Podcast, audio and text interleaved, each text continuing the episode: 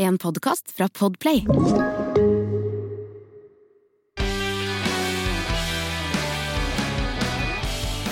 Ja da, så var Meggene på plass igjen. Helsemeggene tar tempen. En podkast til å le og gråte av. Og vondt kan det være å ha både lipødem og lymfødem. To kvinnelidelser. Hva i all verden er lymfødem? Lymfødem. Det som mange ikke vet, som, litt, som jeg syns er spennende med lymfesystemet, det er at det er et system som ikke er så ulikt blodsystemet vårt. Ja, det er et slags vaskesystem i er, kroppen? ja, altså det er jo, ja, det er det jo. Jeg pleier å si det til ungene mine at det er kroppens vaskeri. Og det er derfor vi blir hovne i lymfekjertlene når vi får en infeksjon eller et eller annet, fordi at da er det kluss i maskineriet.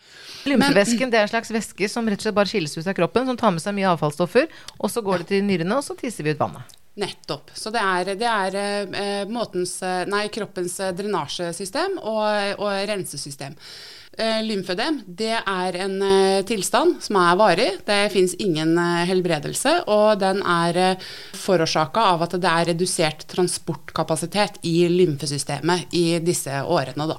I Norge i dag så er det drøyt eh, 10 000 eh, lymfødempasienter.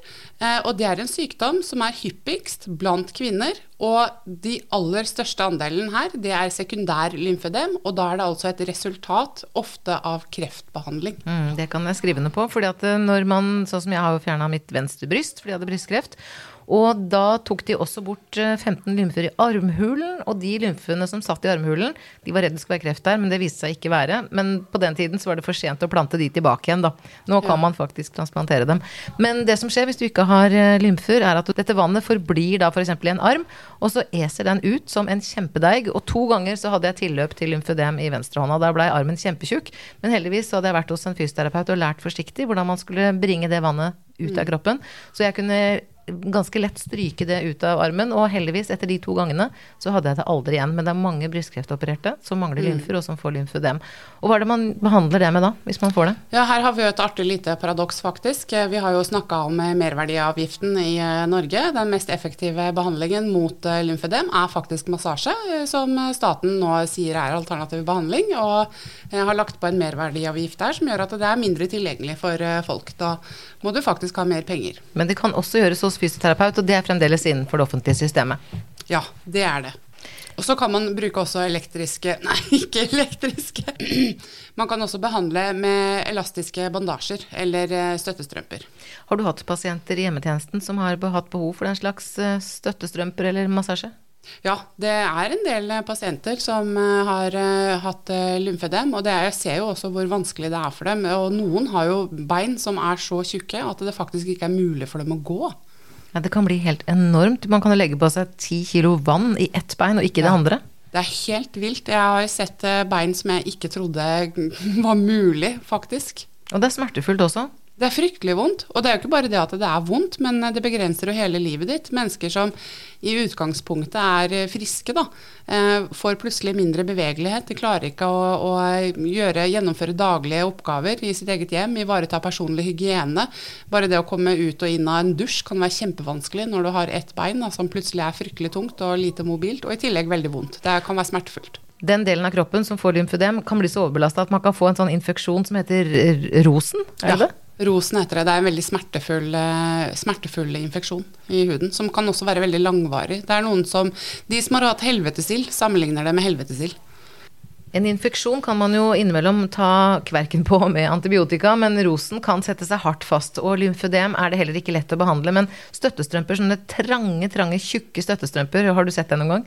Å ja, det, jo, det pleier jo noen ganger å være de oppgavene som oftest eh, man prøver å delegere bort, for det er faktisk fysisk krevende eh, å ta støttestrømper på veldig eh, store bein. Og poenget med strømpa er at den skal være stram, så det er ikke så lett å få på.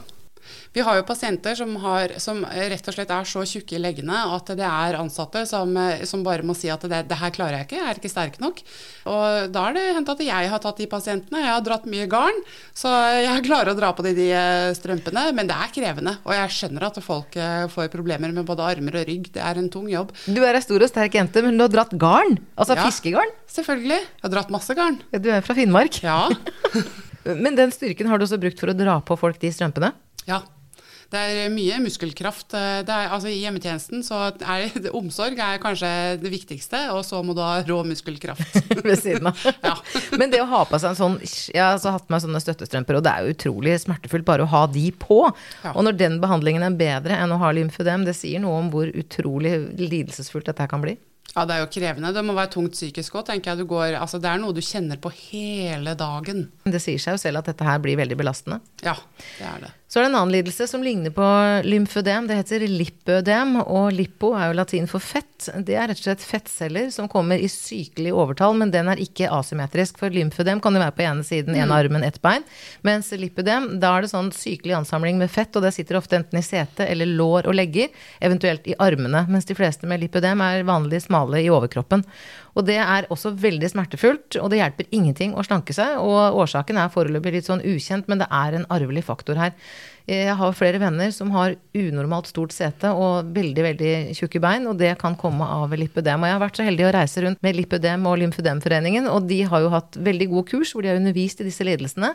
Og Helsepartiet har et også politikk for disse to lidelsene, fordi man trenger her er mye mer informasjon, man trenger mer forskning, og så trenger man å hjelpe pasientene med å få kjøpt det, eneste som hjelper, nemlig eh, støttestrømper. Når det kommer til lipødem, altså fettansamling, så går det faktisk også an å fettsuge bort en del av disse fettcellene. For å slanke dem bort, det går ikke. Men det er dyrt, da. Og det er selvfølgelig ganske smertefullt med en sånn enorm uh, fettsuging over uh, store områder av kroppen. Så det trengs at noen setter fokus på disse sykdommene, og det har vi da forsøkt å gjort, selv om pasientgruppene ikke er så veldig, veldig store. Det er jo litt det med Helsepartiet, at vi må løfte opp de pasientgruppene som ingen andre bryr seg om. Ja, det altså, det er jo enkeltskjebnene som er eh, viktige. Du har jo krav på god helsehjelp og god livskvalitet, selv om du har en sjelden diagnose.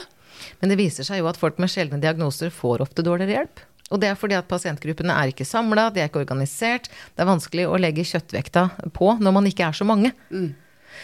Da vi tok kamp for brystrekonstruksjon, så var noe av det første vi måtte gjøre å samle en cirka oversikt over hvor mange kvinner det var som trengte en rekonstruksjon. For det å samle seg i eh, grupper hvor pasientene står sammen, det er å dokumentere et krav. Og vi ser at ALS-pasientene har også det problemet. Det fins ikke noe offentlig ALS-register, og myndighetene vil heller ikke ha det. For med en gang en pasientgruppe har samla seg og bevist hvor mange de er, så blir det på en måte et legitimt krav. Og da setter det stort press på eh, de ansvarlige som sitter og vokter lommeboka, om å betale det det koster og gi disse pasientene det de har krav på, nemlig adekvat helsehjelp. Men det å samle seg og finne hvor mange pasienter det er i hver gruppe, det er en god start. Mm. Har du lyst på lipødem eller lymfødem? A meg. Jeg vil, ha, jeg vil ikke ha noen av uh, lidelsene. Jeg har sett pasienter som sliter med det, og det er helt, uh, det er helt grusomt. Og så er det, det er ikke så mye kunnskap uh, om det, og det er mange i samfunnet som ikke vet hva det er heller. Så, så noen blir også urettmessig kanskje beskyldt for å leve usunt, eller kanskje ikke gidde å slanke seg, eller Så de møter jo en del fordommer også, i samfunnet generelt. Det finnes heldigvis etter hvert en del um, fysioterapeuter, noen fysioterapeuter i hvert fall, som spesialiserer seg i uh, lymfødem, i hvert fall. Sånn at de pasientene kan gå og få god hjelp. Mens lipødem, der er det ganske lite hjelp å få foreløpig. Men det er noen få klinikker som utfører disse fettsugingsoperasjonene.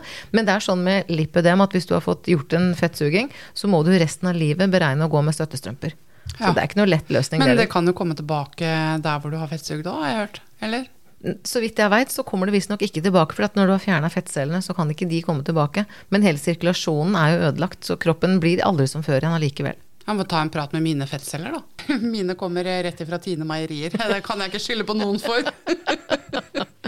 Nei, men det er i hvert fall viktig at det fins håp. Så hvis du kjenner en som har lipødem eller lymfødem, så be dem gå inn på helsepartiet.no. Vi har politikk som ønsker å sette fokus på forskningen, på kvinnelidelsen og på løsningene for begge lidelsene. Ja, og det er kjempeviktig, og det er jeg stolt av. Det syns jeg er en viktig jobb vi har gjort der. Vi får bare håpe at demokratiet gir oss kraft bak politikken vår, så kan vi gjøre noe med det. Ja, det håper jeg òg. Nå går jeg hjem. Ha det. Det var på tide.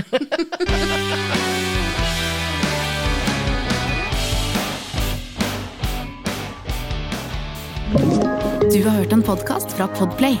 En enklere måte å høre podkast på. Last ned appen Podplay, eller se podplay.no.